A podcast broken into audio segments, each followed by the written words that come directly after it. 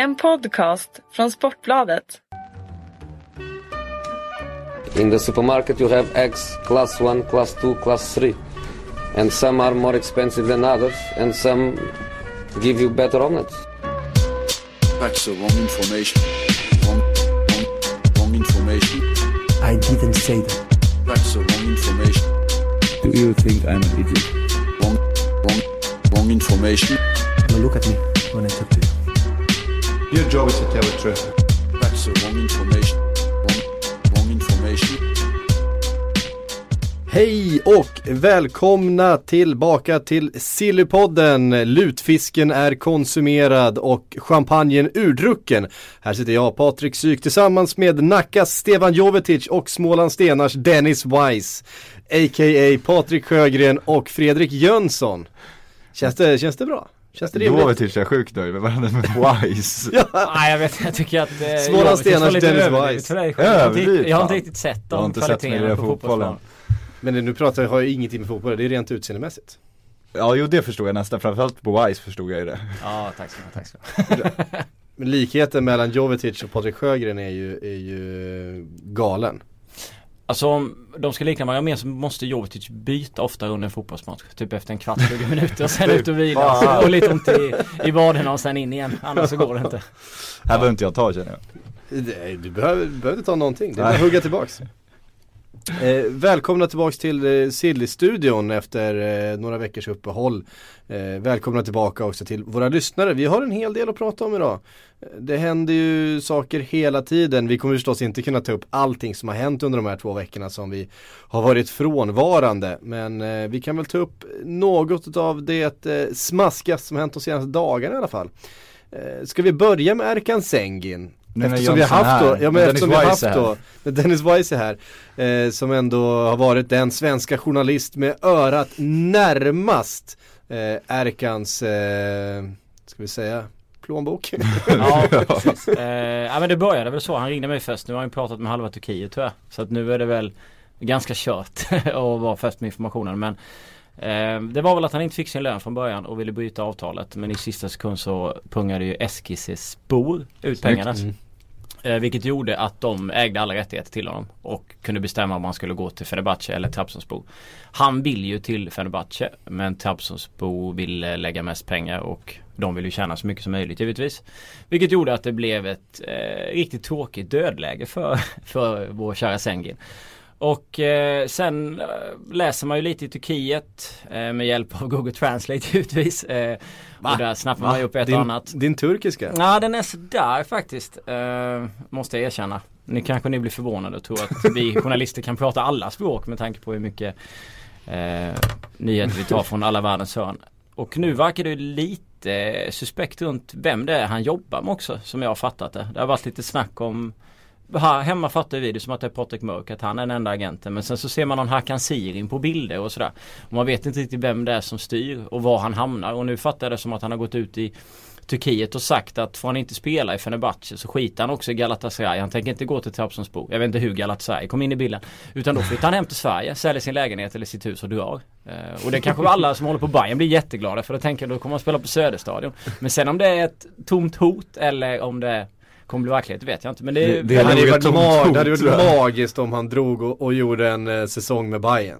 Ja men han är, han är ju allergisk mot konstgräs sa han ju Ja, jag vet, det är det som Jag är- tror inte att han är så jättesugen på det heller och Nej. han är nog allergisk mot, eh, eller hans plånbok är nog allergisk mot att spela i Bayern också jag en känsla. Mm, jag tror inte de vill punga ut de pengarna. Jag tror att han Om det, tjänar... Eftersom det nu är pengar det här grundar sig i så, så Det- känns det som exakt. Sverige är, är fel ställe att åka till. Man kan ju tänka sig om de var skyldiga honom 6 miljoner för de senaste månaderna så kan man tänka sig att hans lön ligger vid runt kanske 15 om året. Ja, Någonstans där. Mm. Bayern ger ju inte riktigt han 15 miljoner för ett, en säsong. Så att, men det är, ja som sagt det är rörigt. Eh, jag vet inte, jag försöker få tag på Mörk. Han säger att han är den enda agenten men så ser man bilder tillsammans med någon annan. Jag vet inte. Men ofta har de ju någon att jobba med i landet också. Det är ju så Ja. smutsigt. Det är ju, klubbarna har ju typ ingen scoutingverksamhet. De känns ju inte ens som de förhandlar eller gör någonting. Nej. Det känns ju bara som agenter, åker runt och plockar och väljer sina spelare och lägger dem i, i sina klubbar så att säga. Mm. Så det kan ju vara så att de har anlitat någon som hjälper till med det där, får lite fart på det. Jo men lite så är det ju. Sen kan man ju tänka att Fredrik Risby är inblandad eh, med Patrik Mörk för att de har jobbat ihop eh, tidigare. Han har ju spelat i Trabzonspor och det är väl några klubbar till där så att man kan tänka sig att han kanske var kontakten, han kunde väl språket och så vidare. Men sen om han är det eller inte det har jag ingen aning om.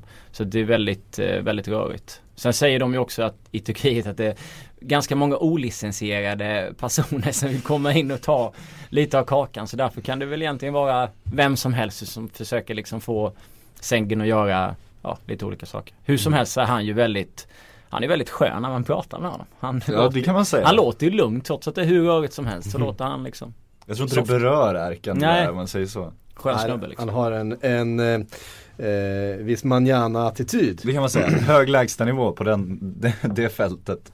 Ja absolut. Vart skulle ni vilja se honom då? Är han eh, liksom mogen för spel i någon av de stora ligorna skulle ni säga? Nej, alltså om man ser han i landslaget tycker jag att alltså, han har ju en fantastisk teknik men han har ju det här Martin Mutumba problemet att han måste dribbla alla spelare fyra gånger för att han inte har steget egentligen. Alltså han drar en kille, ja sen om man då ska ha 10 meter kvar till mål så hinner den där killen ikapp honom igen liksom. Så att han har, ju inte snabbheten för de större ligorna och skulle han börja trixa för mycket i Premier League så har han inga ben kvar heller. Så att, och han är lite, väger lite för lätt också tycker jag. Fortfarande. Jag vet inte alltså Premier League funkar ju inte. Det skulle Nej. kunna vara i kanske Spanien eller Italien men då behöver han absolut rätt uppbackning i resten Mm. av laget för att han ska kunna få ut det han kan. Men hade jag fått välja så är det givetvis sagt Hammarby. Det hade varit fantastiskt att se honom på Söderstadion redan den här säsongen. Men det är ju någonting som vi inte kommer få göra. Men det hade ju varit hur Du kallar det. Söderstadion alltså? Nya Ja just det, Söderstadion. Tele2 ja. Ja. Eh, ja, vi får väl se vad som händer. Det, det är väl inte, det sista ordet är som sagt inte sagt. Jag börjar känna mig som Marcus Leif men jag använder sådana här gamla grejer som pratar med Ja. att det var bättre förr. Men du är ju Dennis Wise också så Ja, jo du har åldern inne. Ja, så är det. Exakt.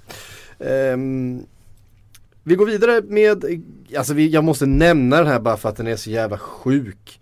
Eh, och det är förstås då Daily eller Sunday Express, vad man väljer, vilken dag det nu var. Eh, det kom, de drog ju stenhårt på att eh, Chelsea tänker langa upp ett bud på Lionel Messi. Kän, känns redan nu som eh, det är precis det som kommer hända. Framförallt i Barcelona som inte får värva då liksom. Att, eh, Ja herregud klart han släpper Messi vad fan. 200 miljoner pund Ska man vara beredd att betala för det. Eh, plus att man ska lägga 77 miljoner pund för Paul Pogba. Vilket gör att man hamnar då på nästan 3 miljarder eh, svenska kronor för de här två spelarna. Där, det är det eh, Daily Express väljer att eh, köra på en sån här eh, måndag i januari när det faktiskt finns riktiga rykten eh, och intressanta historier att berätta om. Men de det säljer ju uppenbarligen de där, annars skulle de inte göra det. Men det, de hittar ju bara på, det är underbart. Man undrar ju också hur många minuter det skulle ta innan Uefa ringer och liksom så här, eh, hej, eh, vi ringer från eh, Uefas huvudkontor i Genève, kan ni skicka era räkenskaper nu bara? Vi tänkte ta en koll på hur det ligger till där mot Financial Fair Play. Vi ska inte grotta ner oss i det här därför att eh, det är ju för dumt för att egentligen ges för mycket tid. Men det var kul att eh, nämna i alla fall eftersom de drog på det så hårt. Fast El Mundo Deportivo har ändå gjort veckans bästa tycker jag.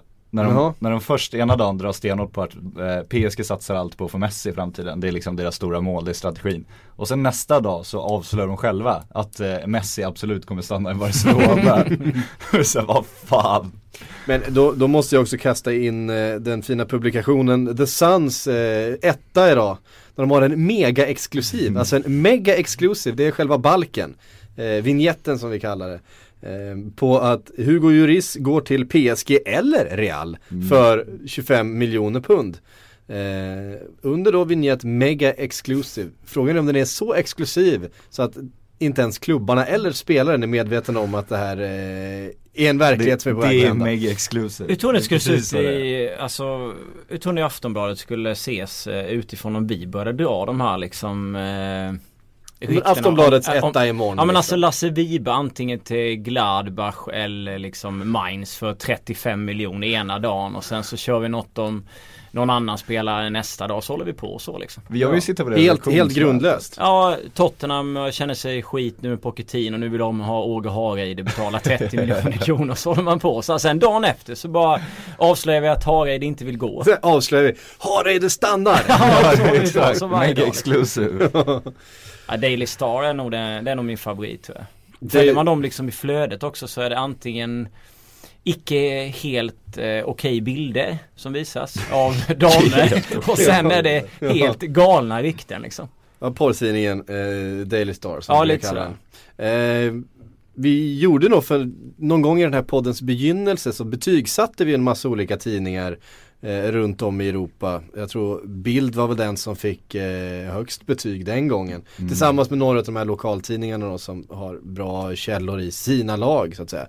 Eh, men då var väl Daily Star Daily Express nämnde vi inte ens då, de var inte en spelare på den här Nej, de inte marknaden kommit förra igång. sång, De har insett nu hur man säljer Ja. tidningar i England. De har, eh, de har ju verkligen profilerat sig eh, Ja.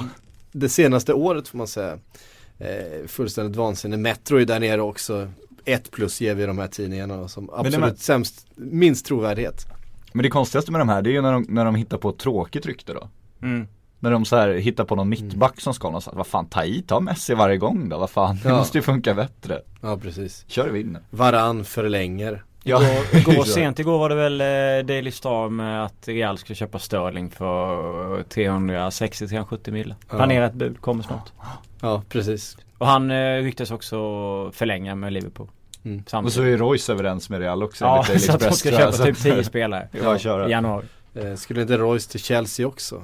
Jo det har han också varit. Och de har ju självklart stenkoll på Royce borta i England. Men man måste ändå, Real, de har ju man tycker tyska. ändå om dem på något sätt för att de håller ju alltid igång pulsen. ja, de jag älskar släpper ju ju det här. aldrig Det ner, är hela skärmen alltså, där. aldrig ner med garden utan de kör ju hela tiden. Ja men det, ja, det, det känns som man måste välja där va. Antingen så får du för annars, annars så blir det som det här irländska Times eller vad det var som hade, som hade ett superrykte, en hel baksida förra sommaren. Och det var ju då Messi till eh, Ja. Manchester United. Ja, just det. Så var helt grundlös, alltså förstås. Och, ingen annan hade det heller utan de hade det som en egen exklusiv. De gjorde det en gång. Eh, antingen får man göra det jämt. Eller, Ja. så får man, eh, eller så får man skita i det. För att eh, det blir lite förvirrande när en tidning som normalt sett inte drar sådana här jätteväxlar helt plötsligt täcker en hel sida i sin papperstidning med att Messi ska till Manchester United. Ehm, Vi ja. kanske ska börja med den här typen av grejer. Sätter du ditt namn på det då Fredrik? Ja, absolut. Ja, Vi sätter Sjögrens namn på det. Vi, får, vi, Vi väcker har så mycket, vi väcker så mycket åsikter och reaktioner ändå så att det är väl bara att köra. Ja. Lite till. Jag tror det. Hörrni, ska vi eh, lämna det här och eh, försöka hitta några namn och några rykten som känns lite mer trovärdiga. Några som till exempel redan har hänt, som Fernando Torres. Ja den känns jävligt trovärdig faktiskt. Ja, han är ju presenterad så det känns som att han... Ja. Nej men Vi kan ju genial säga, någon, säga någonting om, om Fernando Torres 2015. Men alltså, jag tycker man kan skita fullständigt i vad Fernando Torres eventuellt kommer göra på plan. För han är redan liksom den bästa värvning Atletico någonsin kunde göra i januari. Alltså Ja. tveklöst. För dels så betalar ju Milan fortfarande hela hans lön liksom. De betalar ju dubbelt så mycket som eh, alltså Atletico gör för Cersei då. Och det betyder ju att de, de får ju Torres i sitt lag för Cersis lön, vilket de aldrig hade kunnat få annars. Nej. Och båda hade ju varit en inhoppare, de har ju fortfarande Mandzukic, han kommer ju spela, det är ju en reserv, det spelar ju egentligen ingen roll vem av dem de har på bänken för Cersei imponerar ju inte heller där. Och de liksom får superjävla eh, omskrivningar och de får 45 000 pers till presentationen av en lånspelare de inte ens betalar lönen för. Alltså Nej. det är helt jävla sensationellt ju. Och kommer sälja så in i helvete med tröjor. Och Ja. Han har ingen press på sig längre. Alltså han har ju inte det. Sen Det är fin- den klubben han inte har någon press. Det spelar ingen roll som du säger hur det går egentligen. Utan det är en win-win för alla. Och han kan Mm. vara avslappnad, bara njuta av livet. Han gillar ju Madrid och tröjor och har supporten. Även om det inte går bra så kommer supporten ändå älska honom. Så han kommer ändå inte känna den pressen heller. Man får ju någonstans känslan av att hans största problem de här senaste åren har ju varit hans eget huvud. Att Ja. det hela tiden har varit för mycket press på honom, att han har haft liksom en prestationsångest som gjort att han inte har levererat. För stundtals i perioder har han ju varit briljant. När han kom till Milan de första matcherna var han hur bra som helst. Eller hur bra som helst, Ja. det är väl att ta i men han Men man blir förvånad. man, man blir förvånad över hur nyttig han faktiskt var och eh, hur mycket han lyckades med. Eh, Jo men det snurrar ju där när han kan ju spela fotboll, det vet vi ju liksom. Ja, ja men det snurrar ju där klippen när han missar öppet mål i Chelsea, han har dragit målvakten, ska bara lägga in den och det är ju bara huvudet, alltså, han Ja. kan ju slå Ja. in en bredsida ett öppet mål, det vet vi ju. Så det är klart det är så, men sen tycker jag också att han har förlorat sitt steg lite, det han hade som gjorde att han var så sensationellt jävla bra. Mm. Den snabbheten försvann ju med någon lårskada där. Ja. Men det passar ju också lite i Atletico för i och med att han inte gör så mycket mål längre så har han ju börjat jobba med andra saker i sin fotboll. Och nu kommer han till ett lag som jobbar som grisar hela tiden och varenda minut. Och då borde han ju kunna passa in ganska bra där ändå. På just det och göra jobbet. Och, och så länge han inte gör bort sig. Jag, jag tror inte att han kan få liksom fansen emot sig oavsett hur det går där liksom. Utan de älskar ju honom ändå. Jag går åt helvete så avslutas lånet liksom. Ja, det, det finns liksom ingen en lose för honom. Men vem skulle de annars värva liksom som får 45 000 till arenan också? Då måste de ju värva typ Cristiano Ronaldo liksom. Det är Ja. ju på den nivån. Mm. Och då, då får du betala en massa miljarder om du ens kan locka en spelare med den digniteten till Atletico. Och nu får de liksom en lånspelare om inte ens betalar lönen för Ja, det är precis. helt sjukt egentligen. Mm. Fem plus till den värvningen. Ja herregud. För alla inblandade. Mm. Utom Milan kanske. Så man inte riktigt ser Ja, vad, de, Milan vad är de ju- vinner på det. Nej de förlorar ganska, alltså de- okej de får in Cersei och de ökar ju inte sin kostnad liksom. Det kostar Mm. inte mer för dem, de hade ändå behövt betala Torres lön. Så på så sätt är det inte jättedumt. Men deras stora misstag var ju när de köpte Torres från början. Ja. Det var ju där de gjorde bort sig. Frågan om inte de kan få ut mer produktivt av Cersei än vad de Jo på så sätt tror jag Så också så att det här sätt så är tror jag inte det är jättedåligt av dem. Sen är det Milans eh, värvningar de senaste säsongerna är ju, ja. Sen vet man ju inte heller. För skulle, skulle Torres då spotta in en Säg en 10-12 mål den här, eh, den här våren. Ja men helt plötsligt så, så har han ett värde på marknaden igen. Det är ju en spelare med en sån, eh, vad ska man säga, en, ett Jo, tror att- prisskåp där hemma han som gör gör att han ju det. kostar mycket pengar. Och är han het så finns det köpare liksom. Men gör han det så gör han ju det för att han är i Atletico. Det är alltså, det, jag tror att det är det, jag tror inte han kommer flytta på sig. Och gör han det har de nog en, en fastställd summa som de får loss honom för redan. Ja, precis. Den lär vara färdigförhandlad. det är ju klart, det är inte så att han skulle få för sig att flytta tillbaka till England och testa Premier League eller, eller gå liksom tillbaka till Milan eller flytta till Juventus och testa lyckan där. Utan han, eh, lyckas han i Atletico så lär han ju stanna där. Mm. Och de lär ju ha råd att betala den summan. Den kan ju inte vara skyhög. Det. Nej och den är ju värd i så fall, herregud. Bara Ja, absolut. för liksom värdet av att ha honom i klubben. Och de har ju så mycket spelare som de skulle kunna sälja. Eh, som folk tittar på. Så att man borde kunna finansiera det på något sätt ändå. Så är det. Ehm, en liten bit därifrån, eh, i en annan del av Madrid som vi säger, eh, så eh, hittar vi en Sami Khedira. Som- Khedira har du Ch- Khedira. propagerat för att vi ska säga. Jag Ja, propagerat? fan det bestämde du i somras. Jaha, okej. Möjligtvis Nemrud. Ja, men du bankar in det minns Ja, jag. ja det, har, det, har jag, det har jag glömt. Men visst, vi kan köra Khedira. Ja sådär ja. Ehm, vart ska han ta vägen? Han ska bort i alla fall, det kan vi väl konstatera. För han Ja, så är det ju. är ju duktig frysbox ändå får man säga och har utgående kontrakt så att han Men eh, det här att han skulle vara klar för Arsenal för 11 miljoner pund som dök upp på någon konstig Court of side site eller något. Det känns ju he- helt Del Express. obskyrt. Ja exakt. Nej men han kommer sitta i sitt bästa förhandlingsläge till sommaren. Så är det ju, när han är helt gratis. Så att känslan är väl att han, om han inte får ett superbud nu, kommer vänta med att bestämma sig. Ja, Jag gillar han så otroligt mycket för många år sedan. Jag tyckte han var helt fantastisk liksom. Och sen så gör han det här valet som många fotbollsspelare tyvärr gör. Eh, har gått fel klubb och sen så efter det så känner man att man rycker lite på axlarna för honom liksom. Det finns så många spelare som har gjort det där. Det känns som att han, eh, han kan gå var som helst. Bara få spela lite och försöka bli den spelaren som eh, jag skulle nog rösta på, eh, jag vet inte om Arsenal som det ryktas som är rätt klubb för honom. Ja fast det, det, jag tror att det är ganska logiskt val om man tänker Tysklands kolonin de byggt. Han ska ju vara rätt bra Jo. polare med Özil. Eh, så att jag tror att eh, de har nog alla möjligheter att locka honom tror jag. Om de då betalar, för att han sitter redan på saftiga löner i all. Och ska han liksom, är han kontraktslös så ska han ha en rejäl jävla sign-on. Och ska Wenger eh, sätta den, det är väl där det kan bli lite problematiskt, det är väl känslan. Så att eh, om, om de får konkurrens Arsenal så då får nog Wenger krydda det där budet lite ändå. Men, Vilka skulle de kunna få konkurrens av? Ja, men det är om Bayern München helt plötsligt skulle se en jävla värde att ta in en 475 mittfältare liksom. Men, men de är ju svaga för tyska Man landslagsmän. kan ju inte Ja. ha för många Så mittfältare, är det vet ni. Och Och Pep inte gillar ju heller för den Nej delen. exakt och Pep gillar ju mittfältare som han eventuellt kan göra till mittbackar också då eventuellt. Det kan ju vara att Real eh, någonstans eh, är lite snälla och släpper han till en annan tysk klubb som kanske inte är ja, just Bayern München. Det finns ju sådana fall där man är lite schysst och lånar ut eller släpper lite billigare eller och så vidare. Byter avtal. Men jag, Så- skulle han lockas av det, är det, det finns ju inga tyska klubbar som, alltså han går, går inte till Wolfsburg liksom. Och Borussia Dortmund går man inte till i dagens läge. Nej, det är det som är svårt. Så jag tror, eh, han kommer ju, jag tror att om inte Bayern är sugna så kommer han nog hamna i England. Och då är ändå Arsenal ett rätt lämpligt alternativ. Men det sitter ju ett United där också som kanske inte hittar så många spelare som går att få loss och de behöver ju definitivt förstärka så att man får väl se. Liverpool är lite panik. Ja absolut. Liverpool, ja. Jag vet aldrig. Nej, Men blir han, blir han gratis och går liksom, då kommer ju alla hugga för att så bra är han ju ändå. Jag tror att... Ja. PSG kanske köper honom, man vet aldrig. Ja herregud Kan absolut. kasta ut Ja. pengarna som helst. Absolut. Där finns det ju spelare på den positionen som, som verkar vara på väg därifrån också. Det finns spelare på alla positioner i PSG som verkar vara på väg därifrån. Thiago Motta.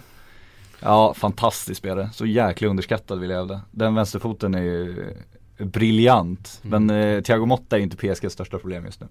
Nej, ska vi komma in på PSGs största problem? Lika bra. Ska vi ta den? Finns en liten duo där va? Ja, det gör ju det. De eh, huserade tillsammans i, i Napoli för ett par säsonger sedan. Bildade Ja. en, en fantastisk trio med Marek Hamsik. Mm. Det är alltså Cavani och Lavezzi. Mm. Som väl, Åkt på sällskapsresa. ja, och kanske inte eh, har sina, sina bästa år eh, i eh, PSG direkt framför sig. Nej, de har ju underpresterat något uh, ordentligt. Eller bakom sig heller för den delen. Nej, exakt. Nej, men det känns ju som de hålls tillbaka lite av Zlatan. Och det känns som de har tröttnat lite på den situationen nu. He casts a big shadow. He casts a big shadow och det är han som bestämmer den klubben. Så att, Mm. Men det är ju helt, jag tycker nästan att det är lite för lite skriverier om, alltså de har ändå strejkat, de uteblev från ett träningsläger. Det är ju helt eh, sensationellt i en sån klubb egentligen. Tänk om de skulle gjort det i Real, tänk om de skulle gjort det i Barca. Alltså det, Mm. Det händer ju inte. Tänk om de skulle ut under Ferguson i United. Han Ja, ju nästan, han kastat dem. liksom Alltså jag älskar ju den anekdoten när Romario eh, dök upp för sent i Barcelona. Och så tänkte de så här, men han kommer ju skita i om vi ger han böter liksom. För han har mycket, han har mycket pengar som han struntar i det, han är så jävla lat så det skiter ju han i. Men fan gör vi då? Om, vad fan, om, vi, om vi tvingar han att, att göra ett extra pass med fystränaren per dag nu i två veckor. Ja men, men, men det räcker ju inte riktigt. Nej men, men fan, om vi lägger det klockan sex på morgonen då? Då kommer han hata oss. Så han tvingas alltså gå upp klockan sex på morgonen och köra ett extra fyspass varje dag i två veckor. Som bestraffning för att han var borta för länge på semester. Det är otroligt bra straff. Mm. Vi, vi minns vi- andra, andra strejker som vi minns då. Det finns ju faktiskt en ganska närstående i United, kommer du ihåg? Wayne Rooney. Ja. Han skolkade, drog iväg. Ja, och det händer, men det, det är ju också när du verkligen, alltså det är ett enormt jävla statement från en spelare också. Det är ju inte så att du liksom eh, uteblir som Ronaldinho gjorde i PSG en gång i tiden och kom tillbaks två veckor sent, en vecka sent och skyller på att han hade haft en tandläkartid hemma i Brasilien. Den är ändå fantastisk också. Vi hade väl några Men då försökte Men han de- tvinga sig bort. Det var de, ju hans de, de tänderna också. Vi hade väl några brassar i uh, Dede i Kalmar så här, som försvann, Ja som inte det, dök som upp var, ja. Men alltså de, om man ser till vad de har gjort i PSG och vad de är värda i pengar och vad PSG kan varva för dem och för andra pengar som de har så är det ju inte en jätteförlust om de säljer dem. De kommer ju Nej. kunna hitta ganska vettiga ersättare. Man tycker ju själv om man minns Napoli med Lavezzi och de här italienska underbara låtarna som gjordes om eh, Lavezzi som jag kommer ihåg att jag lyssnade på när han var så otroligt bra där.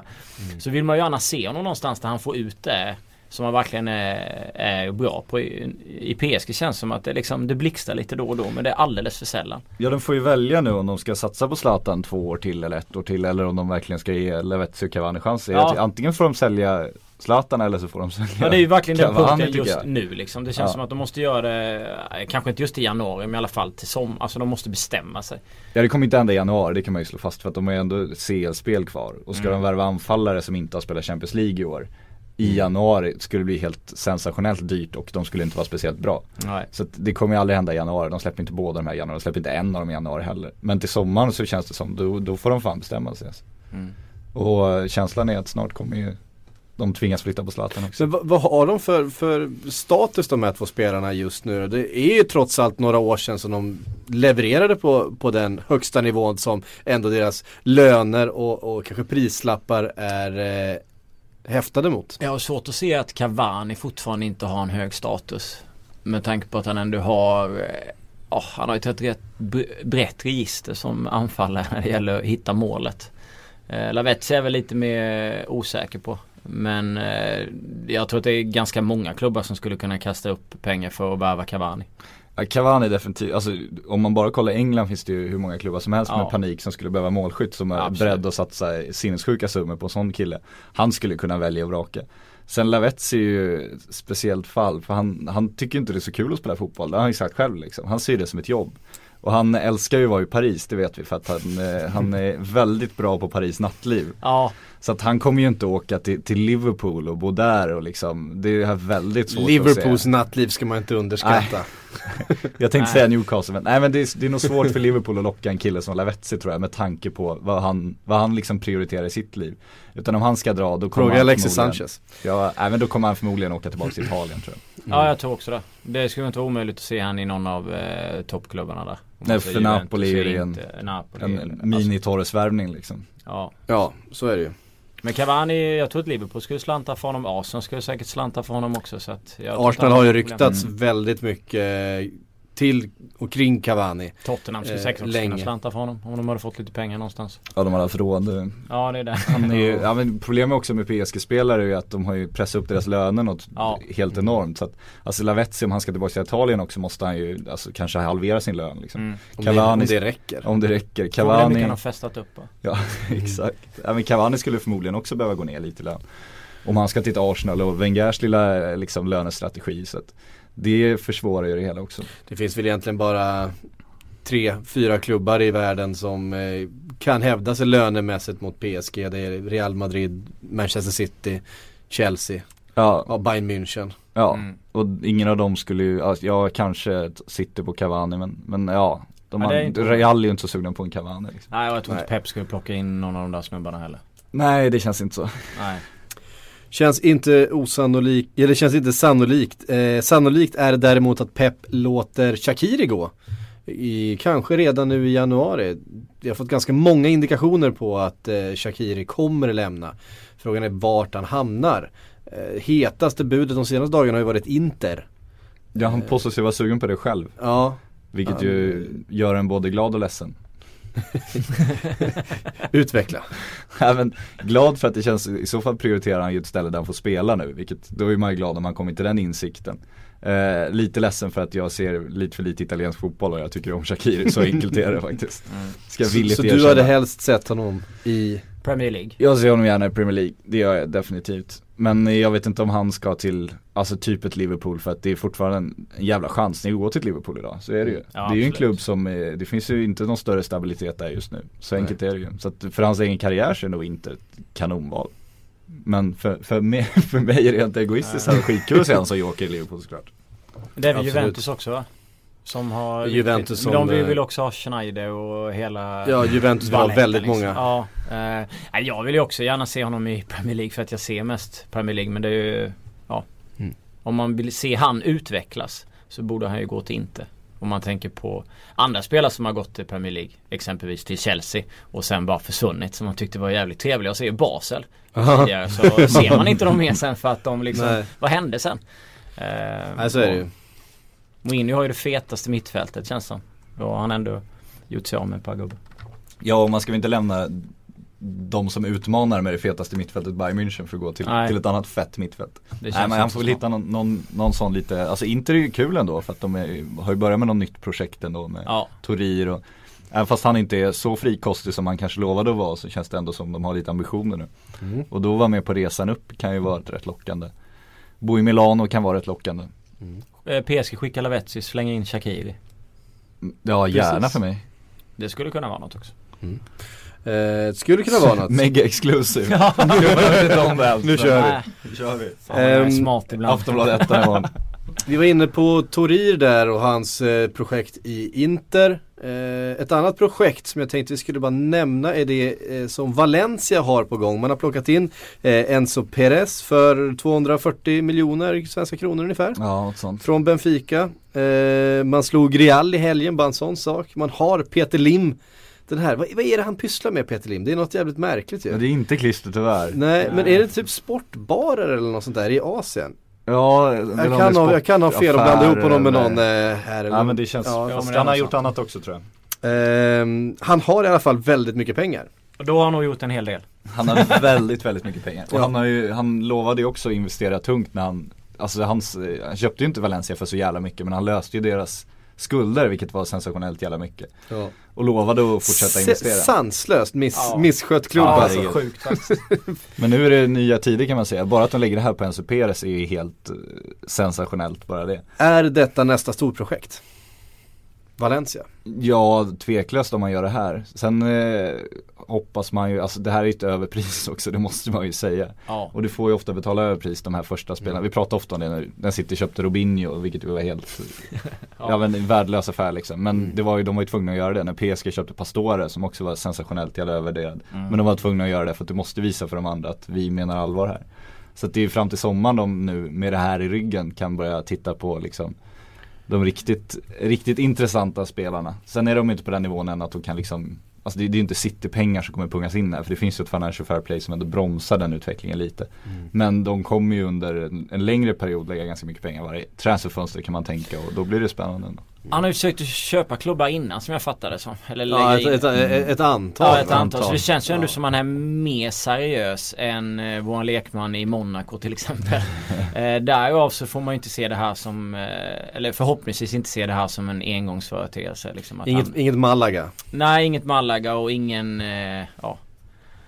Jag, bara, när jag ser 240 miljoner så tänker jag oftast på när Newcastle värvade Albert Lucke för, pengarna. Och det är den sämsta värvningen. Den summan ger mig alltid de associationerna. Det är så sjukt. Det ger dig kalla kårar. Ja, jag måste bli av och se 240 miljoner eller om det var 250. Usch, eh, men vi ska inte blanda ihop Newcastle med, Valencia. Men eh, ja, men vi hoppas att det är eh, roligare än, eh, än Monaco.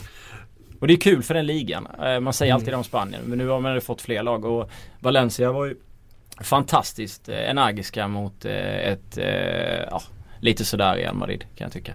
Lite sömnigt Real Madrid. Ja, först Men var var, de varför gjorde de Dubai. den här jävla walk-grejen? Du vet när de ställer upp och ska liksom välkomna dem och hylla dem innan. De gjorde det innan matchen med Real för att de vunnit klubblags-VM. Det är ju ett jävla skämt. ja, jag vet. Det är Vad fan. Det är Ja. jävla låtsastitel som Fifa hittar på. Varför Spelar de inte ut dem efter att ha fått stryk mot Milan i Dubai? Hur, alltså hur är det möjligt?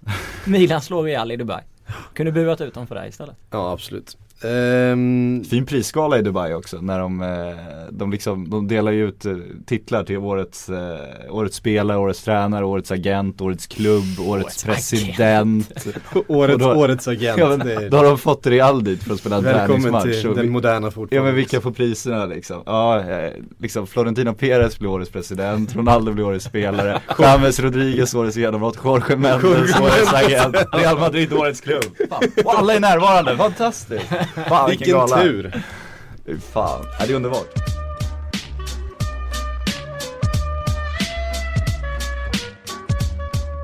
Ska vi bara låta det bli en segway då till eh, den här Jorge Mendes och intervjun han gjorde om Cristiano Ronaldo. Det var väl igår eller var det förrgår? Jag vet att jag skrev något om det i vår fina Silly-blogg. Mm. När han sa att han inte skulle gå till PSG. Och vad vet Precis. jag, kanske hamna i USA. Ja, han, han, nämnde, han sa ju någonting om att, eh, eller han sa väl egentligen att Ronaldo kommer stanna i Real Madrid sin eh, elitaktiva karriär för att sedan då trappa ner i exempelvis MLS. Ja. Eh, MLS har ju verkligen seglat upp som där, alltså det har ju varit, det, det är ju inte liksom så att det är där spelare har åkt och dött för. Eh, det, det har det ju varit ett tag. Men det känns, typ. känns som det finns ännu mer pengar i MLS nu än vad det gjorde när, eh, när Beckham först åkte över även om han fick hutlösa summor för Eller så är det hans pengar som nu Eller man kan investera igen för att han har Han har hade startat varit- en Ja. eh, MLS-klubb ja. Jo men Gerard eh, ska ju dit och Lampard och eh, ja Zlatan kanske också en gång, någon Ja. gång. Eh, Alltså, så- det finns ju ett stort skäl till att Zlatan ska dit också. Det är ju, Det är för, ju att, Nike. det är för att sälja sitt filmmanus. Tveklöst. Mm. När hans bok ska bli film. Fatta om man gör två år i USA, blir den profilen för att de kommer älska honom som karaktär där liksom. Ja ja absolut. Och sen, sen, sen går det inte i kontoret i Hollywood och trycker ut den där filmen. Alltså han kommer ju inte göra miljarder på det liksom. Och med Ja. tanke på hur pengasugen han blivit nu på äldre dagar så Ja. Enskilda skälet att han kommer hamna i Då USA. kommer man ju vilja gå till Galaxy förmodligen. Och då är redan Stevie Gerard där. Och Ronaldo kommer dit också så har de ett helt sjukt lag. Alltså vi får väl inte ha så många designated players tyvärr. Så kanske jag tror inte han går in under lönetaket. Vad känns det har. Så vinner de klubblags-VM och sen så, så, så är målet nått. Sen hyllas de av Valencia-spelare i någon träning. Precis. Fan. Då kan de också få alla priser på Dubai Sportgala. De har chansen. De har chansen. Årets fotbollsklubb. Årets fotbollsklubb. Los Angeles Galaxy. Ja, eh, nog om detta. Men eh, att Jorge Mendes eh, är den här karaktären och går ut och gör den här typen av in- intervjuer. Eh, vad tycker ni om det? Han att, han, att han är en, liksom, en medial kraft. En, eh, Man gillar ju att synas, det har vi märkt. För det är som när Falcao skulle iväg från Monaco. Ja. Och så sitter de på läktaren under Monacos match när Falcao har strukit sig truppen i sista stund. Och Jorge Mendes sitter och pratar i mobilen bredvid Falcao i 90 minuter liksom. Han vet ju att han är ju på alla bilder i alla tidningar då. Han älskar ju det. om det är någon där som lyssnar som inte vet vem Jorge Mendes är, snabb recap. Han är årets agent enligt Dubai Sportgala nu. Ja. Han plockade ett gäng till Monaco, vilka var det? Moutinho och Ja, men, ja James Rodriguez, han äger ju, han äger Real Madrid kan man säga. Alltså det är ju en medlemsägd klubb, ja det är Florentino Perez som bestämmer, ja. Mm. Men Jorge Mendes har liksom alla stora portugisiska stjärnor, han har, han gör i stort sett alla Reals värvningar, han är inblandad i stort sett allting. Mm. Han har eh, Mourinho och Ronaldo är hans största namn då. Mm. Och han styr väl fotbollsvärlden till stor del. Det var han som låg bakom Monacos projekt. Han, det var han de ringde och så liksom skulle ordna allt det. Precis som Mino Raiola låg bakom PSG projekt från början. Mm. Det är ju agenterna som styr. Så han är väl eh, en av fotbollsvärldens mäktigaste män, tyvärr. Så, han och med Mino Raiola på andra plats. Ja vad, nu har ju Mino tappat skulle jag vilja Ja påstå. det känns som att han liksom, jag vet inte. Kanske blev mätt. Han är nog rätt rik så jag kan tänka mig att han kanske vill göra något annat. Ja, det, enda, det enda man ser nu med Mino Raiola det är när han försöker bjuda ut eh, Mario Balotelli till italienska Ja. köpare bara för att hålla honom relevant Eller är på det något så att sätt. Mino har tagit ett steg bak och Zlatan tar ett steg fram? Tar över agentverksamheten. Ja men alltså han syns med innan var det alltid Mino som pratade om Zlatan. Nu gör ju Ja. Zlatan reklam och allt möjligt. Till höger Ja. och vänster så att han vill väl. Men han har inte, han har ju, Han har inte bara Zlatan givetvis men det känns ändå som att han, eh, han syns ju inte på samma sätt längre. men han har ju inte så många längre. Han har Nej. Pogba, det är väl hans största namn, det är väl han han ska göra, göra cash på nu. Men han har hans, lyckats hans guld, guldgås just nu. Ja, men han har inte lyckats flytta på honom än, vilket jag tror att han börjar bli sugen på. Ja. Och eh, det är väl där han får börja snurra på sin karriär igen. För Balotelli gick det ju inte så bra med och sen eh, de här äldre garret är ju borta nu. Jag förstår inte vad du menar med, med bra med Balotelli. Han har ju tjänat otroliga pengar till Mino Raiola. Det är väl ändå Liverpool är inbjudna till. Dubai-galan nästa år. Ja, exakt. Årets lag och årets, årets värld. spelare Balotelli. Årets agent, mina Raiola. Ja, det är fruktansvärt. Hörrni, eh, från agenter så hamnar man ju ganska snabbt även i Barcelona. Mm. Som nu då inte får värva några spelare. Eh, så där har väl alla agenter bara stuckit. Eh, Ja, exakt. kan man tänka sig. Vad, eh, ja men får vi bara, bara en, en reaktion på, eh, på domen?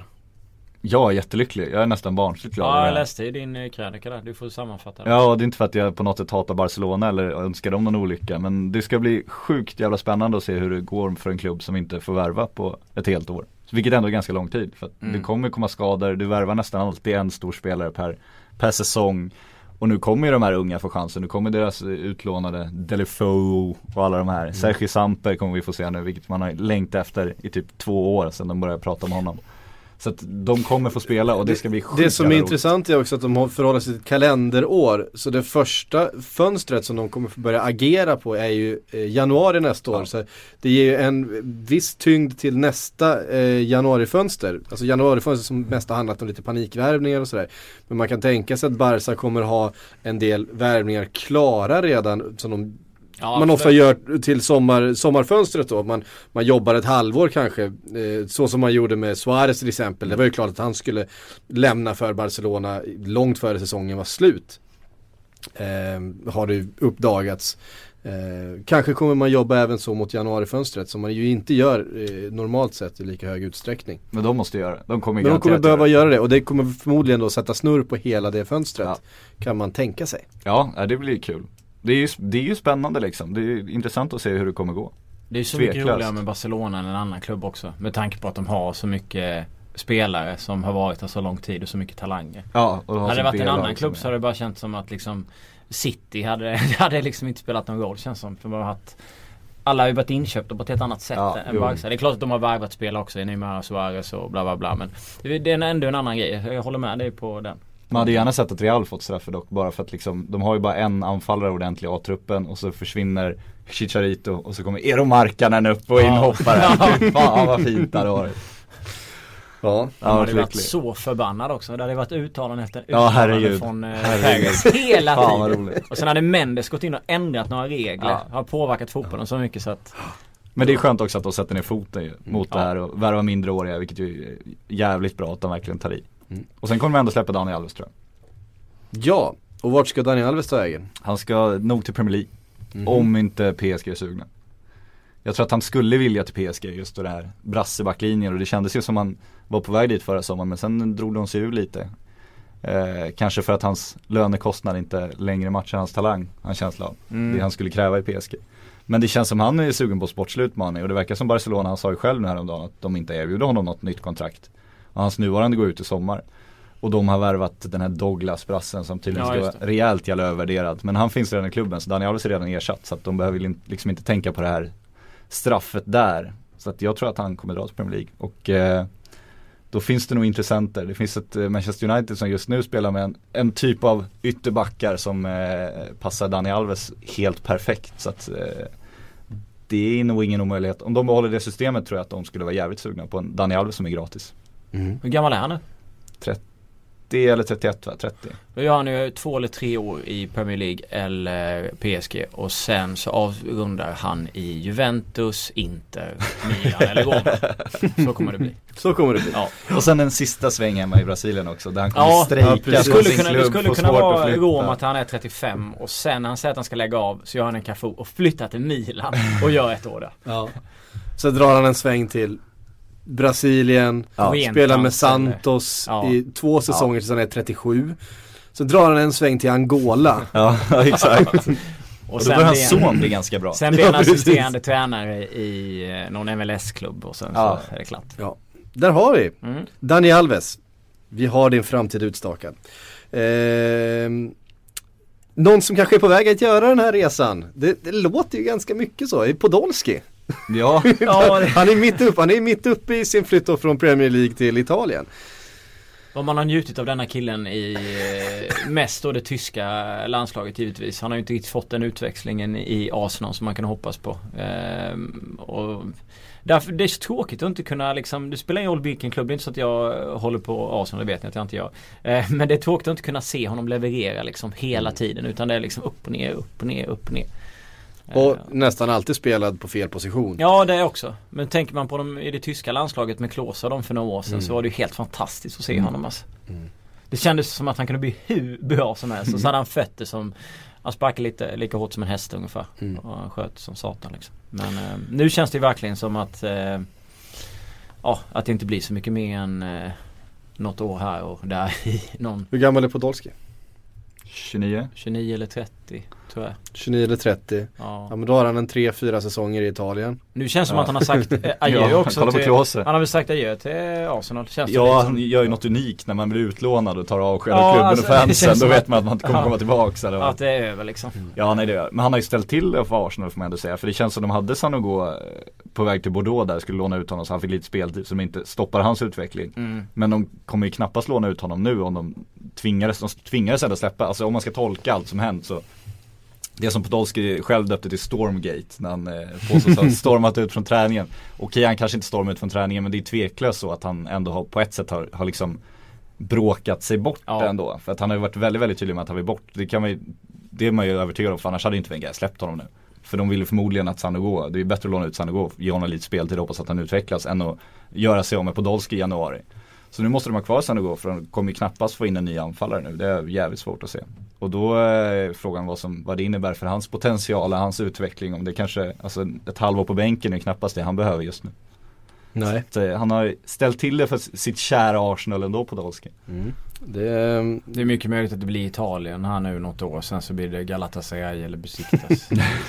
Han gör jag gillar att, jag gillar han att du ser så här. Fredrik. Ja men alltså man ser ju mönstret hela tiden liksom. Så är det. Galatasaray igår när de lirade liksom, de hade Schneider och Pander, man satt på bänken i 90 minuter mot Besiktas sådär liksom. Men det är klart han börjar komma upp i år. Men man ser ju ändå liksom mönster av folk som flyttar till olika klubbar. Men Man har ju, alltså, Ja men att titta på det, det är ingen snack om det. Det är ju bara att kolla USA nu. Alltså Beckham var ju ändå lite barriärbrytare Mm. liksom. Men sen ska ju alla dit och han börjar med kalsongreklamen. Nu ska Ja, alla ja. börja kalsongreklamen. Cristiano Ronaldo startar ett klädmärke. Nu ska alla ha ett klädmärke.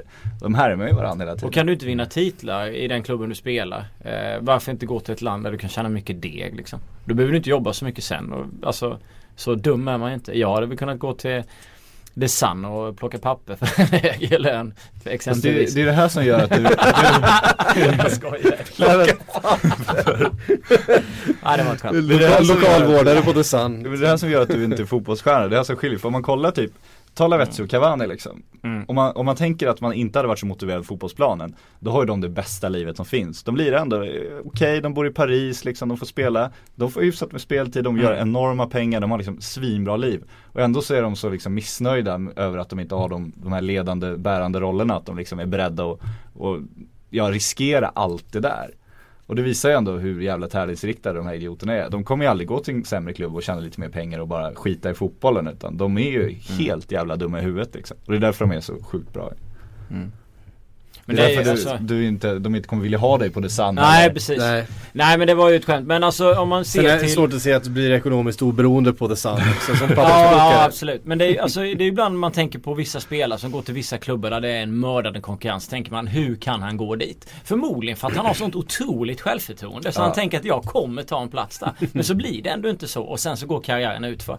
Och så har man ju sett hur många gånger som helst. Men det är det första man, när man ringer Melker, Melker Hallberg liksom efter att han skrev på för en Serie A-klubb. Ja. Och så, man kan ju inte så här, men ärligt talat du kommer inte ta en plats, det kan du inte säga liksom. Utan Nej. du får ju, du, du undrar ju också så här, men nu tänker du här det är liksom, eller typ Linus Hellenius, Genoa, du, de har 40 utlånade anfallare liksom. Hur tänker du där? Ser du på konkurrensen så här? Ja nej men det här är ett livschans, jag måste ta den liksom. Det är alltid det svaret. Och som du säger, de är ju så, så säkra på sig själva och det är därför de är så bra också. Tänk på alla som har gått till Chelsea genom åren. Alla de har, som har gått dit liksom. Ja. Eller andra spelare som gått till City. Så här, som är helt säkra på att de ska ta en plats. Och sen luktar de inte ens på bänken. Och sen bara skickas de iväg någonstans. Och sen ser man att de är bra fotbollsspelare. Ja, ja herregud. Det är Kolla därför på De Bruyne i Wolfsburg till exempel. Han har ju varit hur bra som helst vissa matcher. Han har Ja. varit kanon liksom.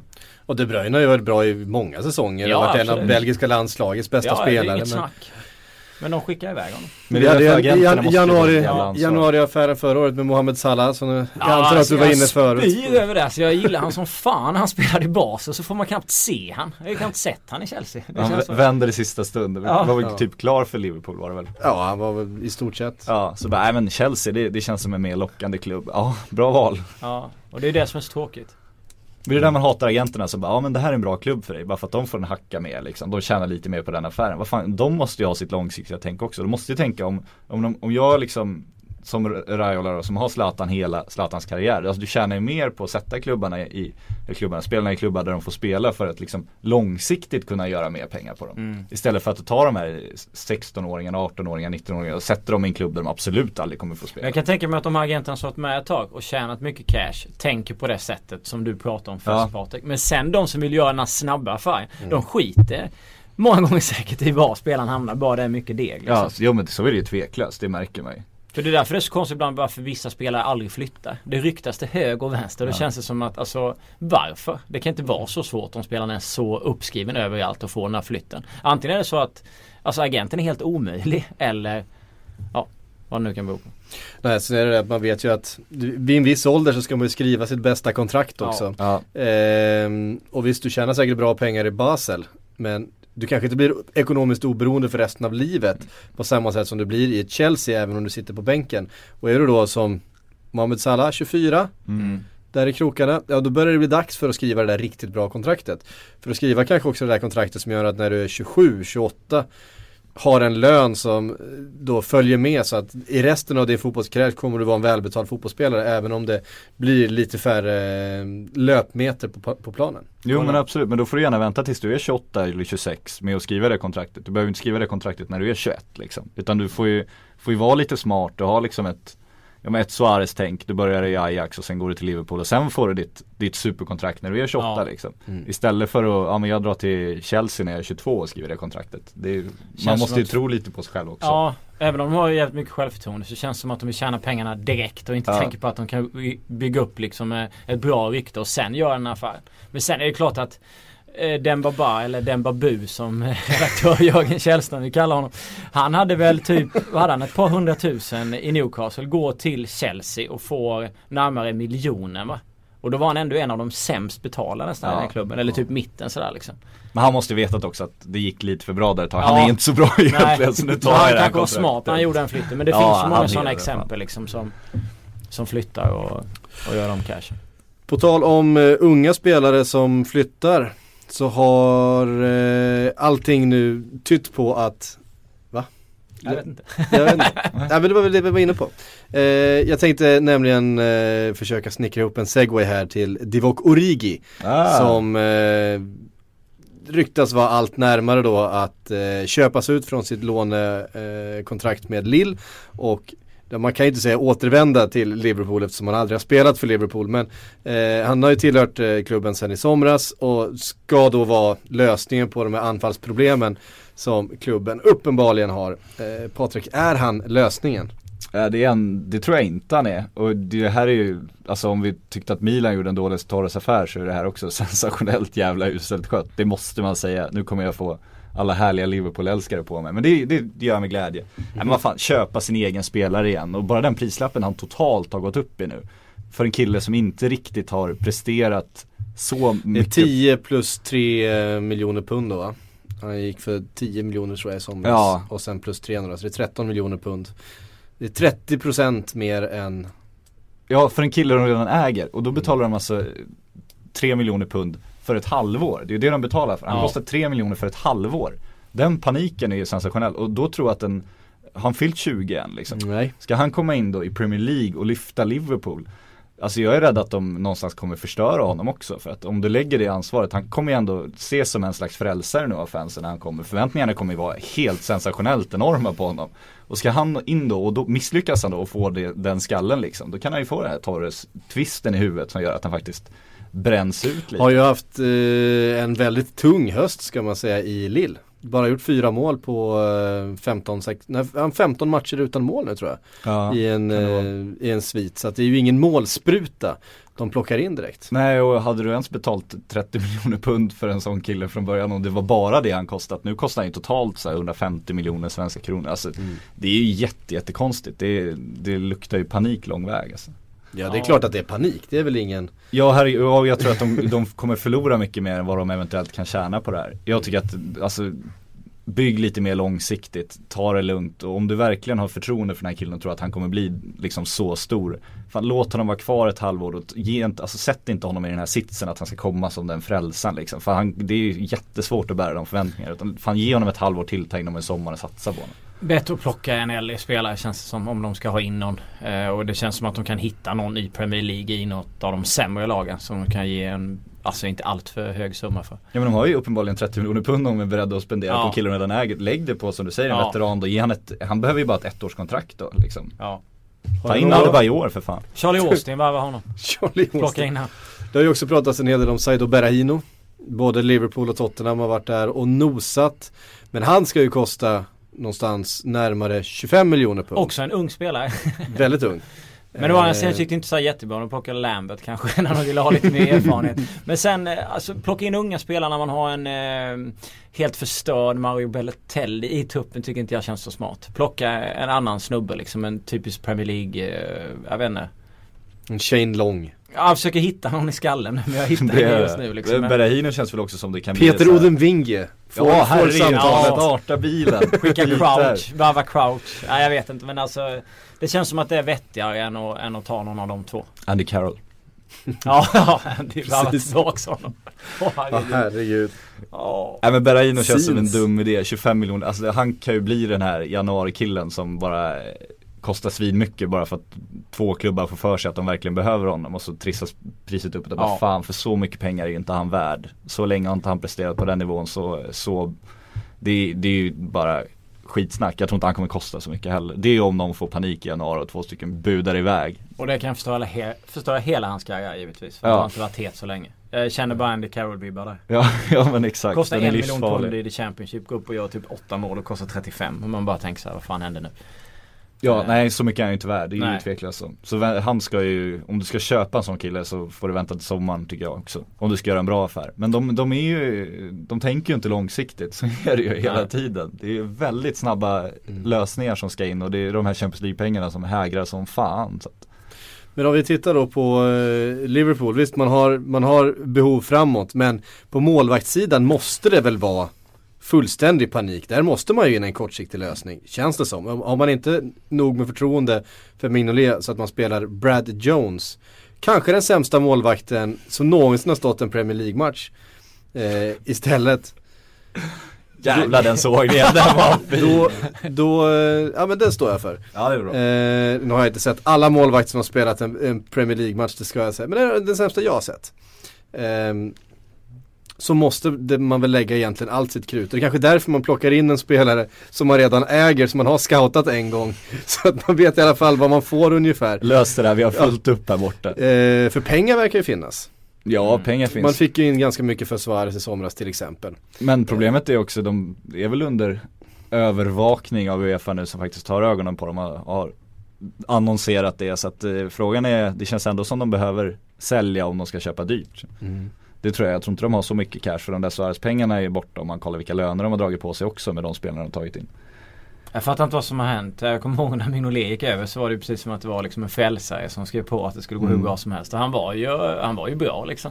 Men sen, ja men han var ju ändå förra året så här. Eh, Men sen eh, hände det någonting. Jag vet inte om om liksom det är en sån här grej som sitter i huvudet på honom också för att man spelar just i Liverpool. Att alla liksom fixar inte riktigt den här pressen kanske av att göra det. Eh, sen är det ju svårt att se vem de ska dynga ut cashen på och plocka in istället. Vilken målvakt. Victor Valdes, Victor Valdes, Jo, Victor absolut. Valdes, Victor Valdes.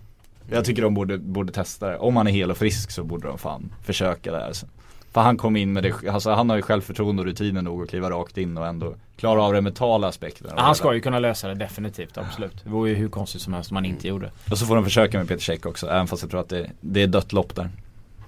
Ja, det, borde, det känns som det borde inte vara det. Det känns som ett typiskt sådär eh, fulspel liksom så här. Man lånar ut en överflödig spelare till en konkurrent som ändå inte är en konkurrent om Ja. några titlar. Men man kan ändå lägga lite snaben för, eh, för konkurrenter.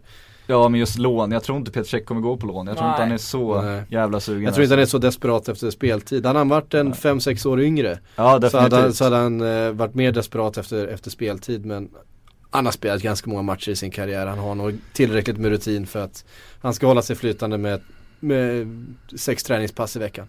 Ja jag, jag tror han gör en bra resa till Italien en sommar istället. Så är det säkert. Det är väl känslan. Hörde ni, ehm, vi ska ta lite frågor också tänkte jag som vi brukar göra. Ehm, vi har fått en från Patrik J Persson. Och här har vi en sån här forward som man undrar eh, lite grann om. Och han skriver, hur kan det vara så tyst om Boni, en av ligans fem bästa anfallare hittills? Ja fast tyst är det väl inte, det är väl ganska Nej. mycket snack om Boni Och eh, han har varit allt från Real Madrid till, ja, Ja, till Liverpool och till andra klubbar också. Ja det är mer eller mindre alla som snackas. Men han kommer ju också vara en sån kille som är jävligt dyr i januari för då ser ju den klubben en chans att verkligen casha in där. Så att eh, om någon eh, ville ha honom så kommer han kosta utav bara fan nu tror jag. Sen kommer han förmodligen flytta till sommaren då som eh, många, om han fortsätter prestera så här, övervärderade Premier League-anfallare gör. Ja, Men det är väl ingen garanti att det kommer gå bra. Det är ju lite den bara varning också kan man tycka. ja jag håller med. Eh, han är ju fantastisk vissa stunder i Swansea men det finns ju liksom ingen garanti för att han skulle vara fantastisk i Liverpool. Nej. Eller dominera på eh, Santiago Bernabéu i, i Madrid liksom. Nej, ska du då lägga 200, ja, 50 250 millar i januari för en sån kille? Det är ju- 240 är den här klassiska som jag.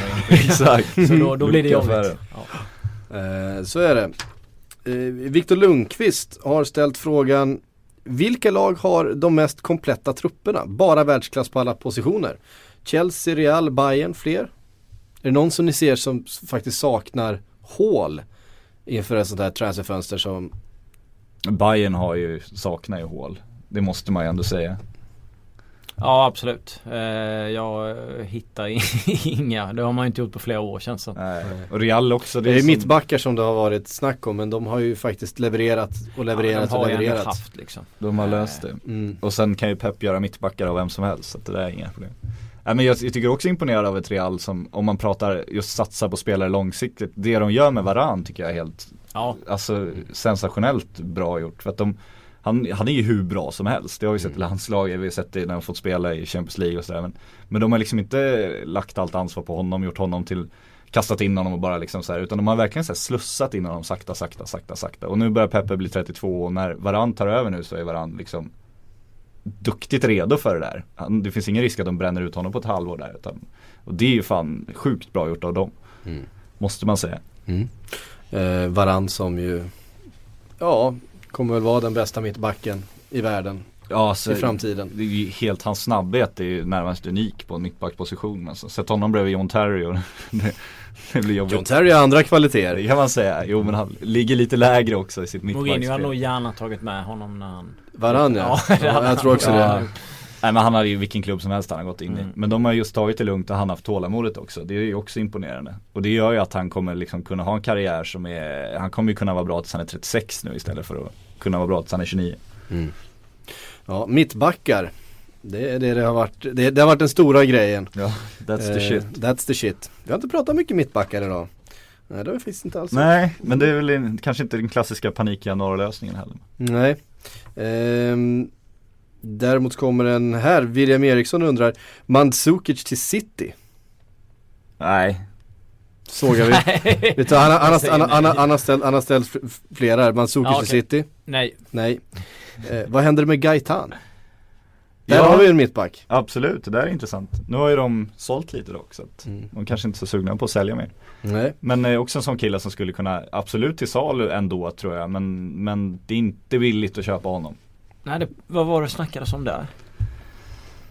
Ja, Klubbar eller summor, det har fått så mycket alltså. sjuka summor. Ja, så är det ju. Ja, klubbar är det ju ganska många.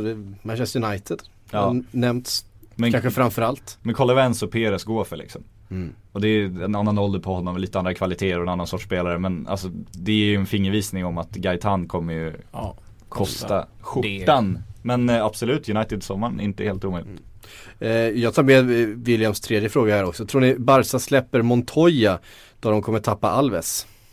Eh, Han har Montoya, ju varit tredje, tredje val nu den här säsongen och är väl ganska missnöjd där på bänken. ja han gör väl allt för att komma därifrån. Så Mm. jag tror att de blir tvungna att släppa honom. Det, är- alltså, det, det är ju som med Podolski, Arsenal skulle hellre ha kvar Podolski. Men till slut så kommer det till en punkt där det, det skadar mer än det, det ger att ha en missnöjd spelare i din trupp som Ja. ändå ska komma och se glad ut varje träning. Så jag tror att de måste släppa Montoya och jag tror också att de gör det. Mm. Eh, Vi var inne på Varann här alldeles nyss. Jag måste bara följa på dem med en fråga från eh, Adam Fröberg. För han har läst rykten om Varann till framförallt Manchester United och Chelsea. Är det något troligt? Jag såg också det här ryktet, eh, Daily Express som vi var inne på tidigare. Var det, Det väl var det som hade det då? Eh, Det var väl Mourinho som värvade honom till, eller? Han plockade in honom till, nej? Nej, Det jag tror han redan in- var där. Han var redan där, men han har Jag ska en, inte svära på det men jag tror det. Nej, och det ger, ju den kopplingen. Och sen den andra kopplingen är väl att United, eh, ja, behöver en mittback. Och sen så är det väl det tidningen har gått. Ja men? Mourinho har väl sagt att han gärna skulle ha varandra i Chelsea och anledningen till att han säger det är att det är helt jävla osannolikt att han Ja. lyckas liksom Nej men det, om någon skulle, om någon skulle kunna locka varandra med att liksom Men du, du är ju inte första valet här i Real just nu liksom, här kan du vara vår stora stjärna Men Sen kan ju samtidigt Real säga, ja vänta ett år så kommer vi bygga hela vår framtid kring dig Och den prislappen också. Ja herregud Ja, den skulle ju vara helt sinnessjuk. Ja. Det skulle inte funka. Men han, han måste ju vara världens mest lovande högt aktade mittback just nu alltså. Mm. Ja. Inte minst om man ska lägga 3 miljarder på Messi och eh, Pogba. Då blir det inte, då blir det inte mycket pengar kvar till, till en eh, mittback Det är alltså. jobbigt med FFP där. Ja. Ja, Det är skönt att de skiter i FFP när de gör de här ryktena. Man undrar ju det, ja PSG ska ha Messi, ja då vore det en sensationellt bra affär. Det är klart de, de skulle göra det om de Jag tror att de har en tombola. De bara Ja, vevar liksom, ja, så jag plockar vi det. ut två namn så här. Ja, De oh, säljer det blir hela Messi. truppen och så spelar de juniorer och Messi sen. Det är det det handlar om. Det är det det handlar om. Ja. Ehm, Men FFP gör ju att ingen kan köpa en Messi, ingen kan ju köpa en Ronaldo liksom. För du Nej. kan, du kan inte lägga två miljarder på en spelare. Det går inte, för du kommer ju inte få spela Champions League då. Då Nej. måste du sälja två, tre spelare och då har du helt plötsligt enorma luckor och då är det inte värt det. Så det går inte att flytta på dem. Om man inte då har 18 mittfältare och kan börja så här Ja, pytsa av dem liksom. Det är det, det är det Bayern gör nu. det är Alltså. det de de- förbereder Messi-köpet alltså. Precis. Ja, fan. var därför de knep Thiago där liksom Ja, och exakt. Ja, lä- lät honom sitta bredvid. Är det, enda, är det den enda troliga flytten han skulle kunna göra? Messi? Messi? ja det tror jag. Med tanke på inte att? Pep tanke på Pep med tanke på att det, det är en sån klubb ändå. Men samtidigt så skulle han ju byta, alltså det är om Barca skulle gå ner sig lite kanske det skulle locka honom. Men samtidigt skulle han ju byta ett Barca mot ett annat Barca liksom. Så vad finns det egentligen för mening med att flytta då? Tänk vad underbart att ha han där med, med Robben och Ribéry också. Men man all- skulle ju all vilja se honom i en annan klubb Det hade varit fantastiskt. Man skulle vilja se honom i en annan klubb Ja absolut. Det är lite det man eh, går och väntar på. Ja, Förmodligen så får vi ju inte göra det. Nej, det är inget som tyder på det. Ehm, vi tar en fråga från Jesper Alkrona. Eh, vad, borde, vad borde Arsenal plocka in för att kunna gå långt i Champions League? Ja, det mesta va? Ja. De behöver ju en, en De behöver ju backlinjen. De behöver backlinjen, Wenger säger att första prioritet är mittfältet och de skulle må bra av att göra någonting längst fram också kanske. Ja. Ja, sen men det är klart att en balansspelare, en, eh, byta ut Flamini. Eh, Arteta är väl en 3 plus-spelare skulle jag säga. Men eh, har ju varit skadad. Mesta, mestadels den här säsongen. Eh, de skulle behöva ta in en riktig, riktig världsklass där. Ja, de behöver ju göra som Roma, starta en WhatsApp-linje med alla spelare och sen bjuda in Khedira där och låta tyskarna do their magic. Han på väl- mitten och så någon forward längst fram. Cavani kanske. Och sen, vad skulle vi ha i backlinjen? Ja, de mittback behöver de ju. Ja. Ska de må bra? Varandra? Nej. De har ju haft, de har ju alltid agerar. lite skadeproblem och när det börjar bli skador i försvaret så ser det inte så ja, ja, det var, jag var ironisk. Men De har ju haft det i hundra år känns det som. Ja. År efter år efter år. Eh, och, De skulle ju framförallt behöva ha lite färre skador ja, på sina spelare. absolut. Men de har ju försökt där med svensk eh, kille som har jobbat med dem va? och nu Ja, plockar de in någon tysk Tyska landslaget, och- en amerikan. Alltså det spelar ingen roll vad de håller på med utan det känns som att det är skador hela tiden. Jag vet inte om det, det borde väl vara någon som inte... Sen hjälper det ju inte heller att när man som paniklösning, det enda man får tag på är Kim Källström. Ja men det var ju underbart. Kim. Det var ju Nej. roligt. Ja. Fast fan, jag tror att Kim hade gjort nytta om han var skadefri. Alltså han, är- du vet vad du får där. Jag tycker det var en rätt logisk värvning. Tänk om Kim kommer nu i januari. Ja. Rasmus Elm flyger in. Ja Rasmus Elm har vi inte nämnt. Eh, Det kanske vi ska göra. Vad, vad händer där egentligen? Det är ingen som vet. Han har flyttat hem till Kalmar igen. Ja, det händer ju ingenting. Han har ju brutit sitt avtal med Moskva och eh, dragit hem till Kalmar och börjat löpträna och styrketräna lite smått. Eh, han kan väl än så länge inte spela fotboll va? Nej, han har inte spelat fotboll sedan maj. Ja, det är väl, ja, någonting sånt. Någonstans där, april, maj och sen eh, Han har inte tränat på mängder med månader heller Med laget och sådär eh, Och hans magproblem är ju Ja det är väl ingen som kan sätta en diagnos på vad det är heller Det är det som är problemet tror jag Han har ju extrema problem Men det är sjukt hur, så- alltså, han har ju haft, tydligen haft de här problemen ganska länge nu, även Ja, under ja, förra ja. säsongen. Och då blev han utsedd till liksom ryska ligans bästa mittfältare.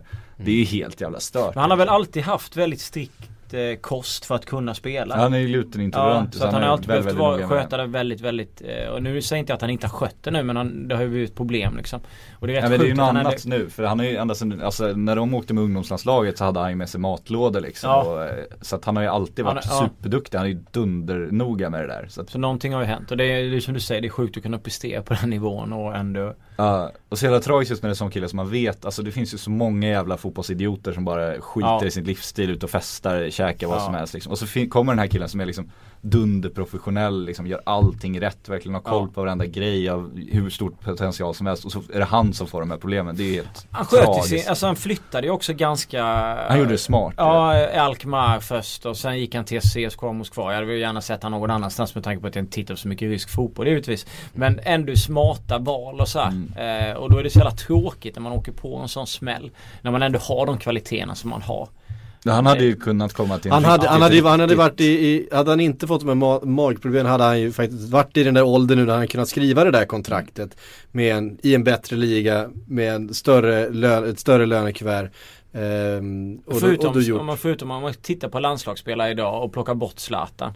Så är han väl den spelaren som skulle kunna flytta till England och ändå kunna ha möjligheten till att lyckas ganska hyfsat med tanke på den typen av spelare som han är. Ja han var ju vår Christian Eriksen liksom. Ja. Han, var ju, han bäddade ju för sin Englandsflytt kändes det ju så. Ja absolut. Och absolut. Man trodde han nästan att den skulle komma när han var i Alkmaar. Ja. Brorsan var ju där och krattade lite i Fulham va?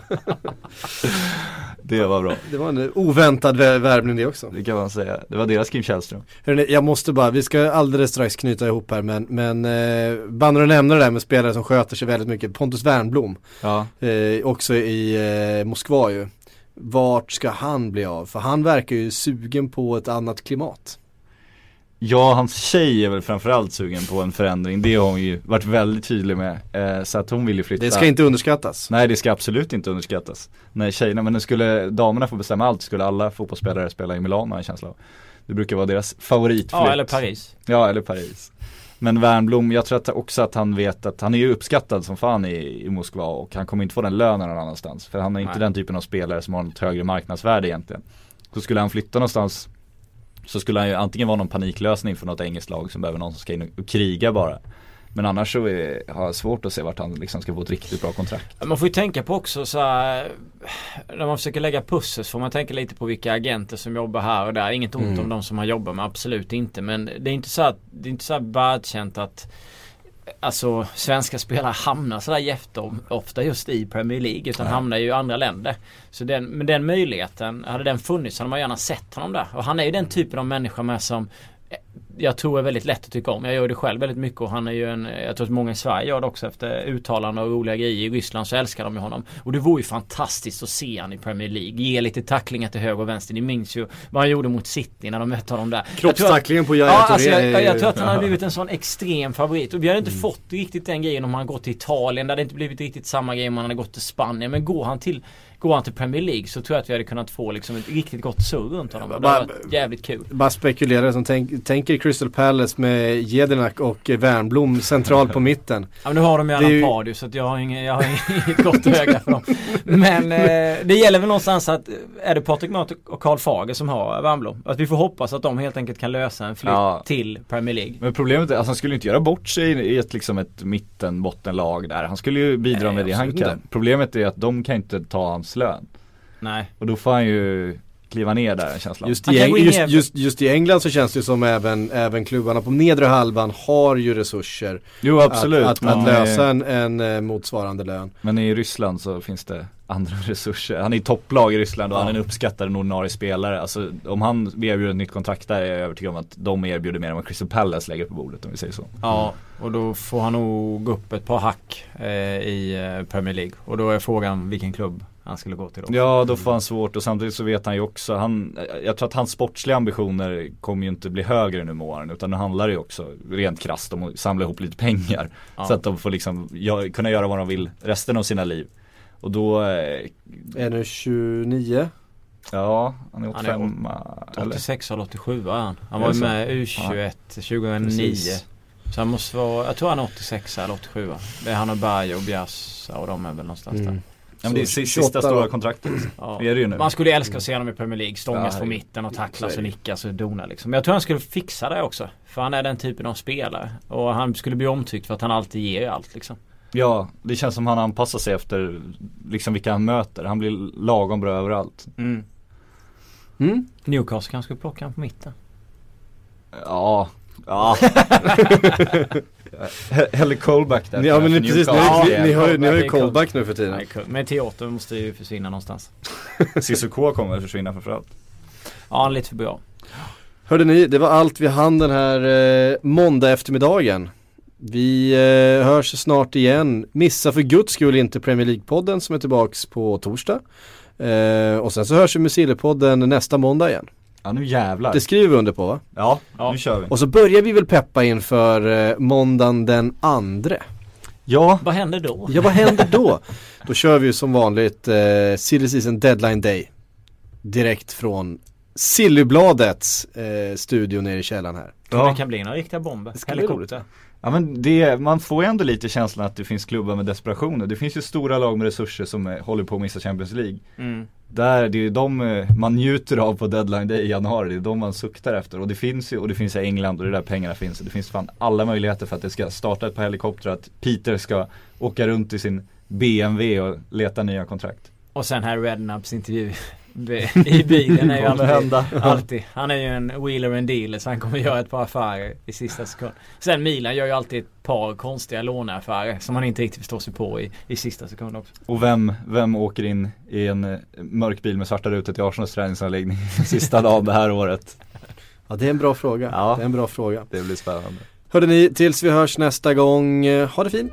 I think I worked for 16 years here in England, and I deserve a bit more credit than wrong information.